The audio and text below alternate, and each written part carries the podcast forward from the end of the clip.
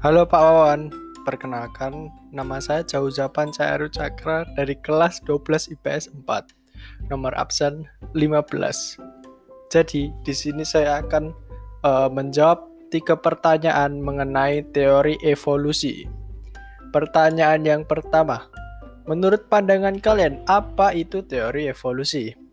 Jadi, menurut saya, teori evolusi adalah di mana makhluk hidup yang mengalami sebuah perubahan yang sangat besar dalam kurun waktu yang lama.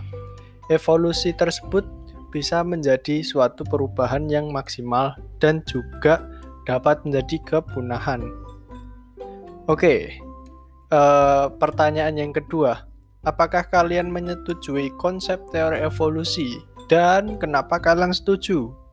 Nah, menurut saya, saya setuju tentang teori evolusi. Dan mengapa? Karena pada zaman prasejarah dahulu, manusia purba itu berbentuk seperti kera.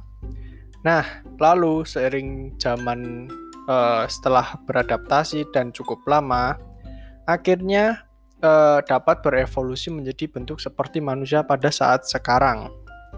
Dan di contoh, eh, contoh, Dian di Soal nomor yang ketiga, contohkan salah satu hewan atau tumbuhan sekitar kalian yang juga mengalami evolusi. Jadi, contoh yang saya ambil adalah buaya. Dahulunya buaya memiliki empat kaki yang cukup panjang, nah, dan dapat bergerak leluasa di daratan. Buaya juga dapat bergerak di darat secara lama. Nah, dari bentuk ukuran buayanya dapat digambarkan uh, tubuh sebesar T-Rex atau Tyrannosaurus Rex begitu. Oke, uh, segini dulu jawaban dari saya. Terima kasih.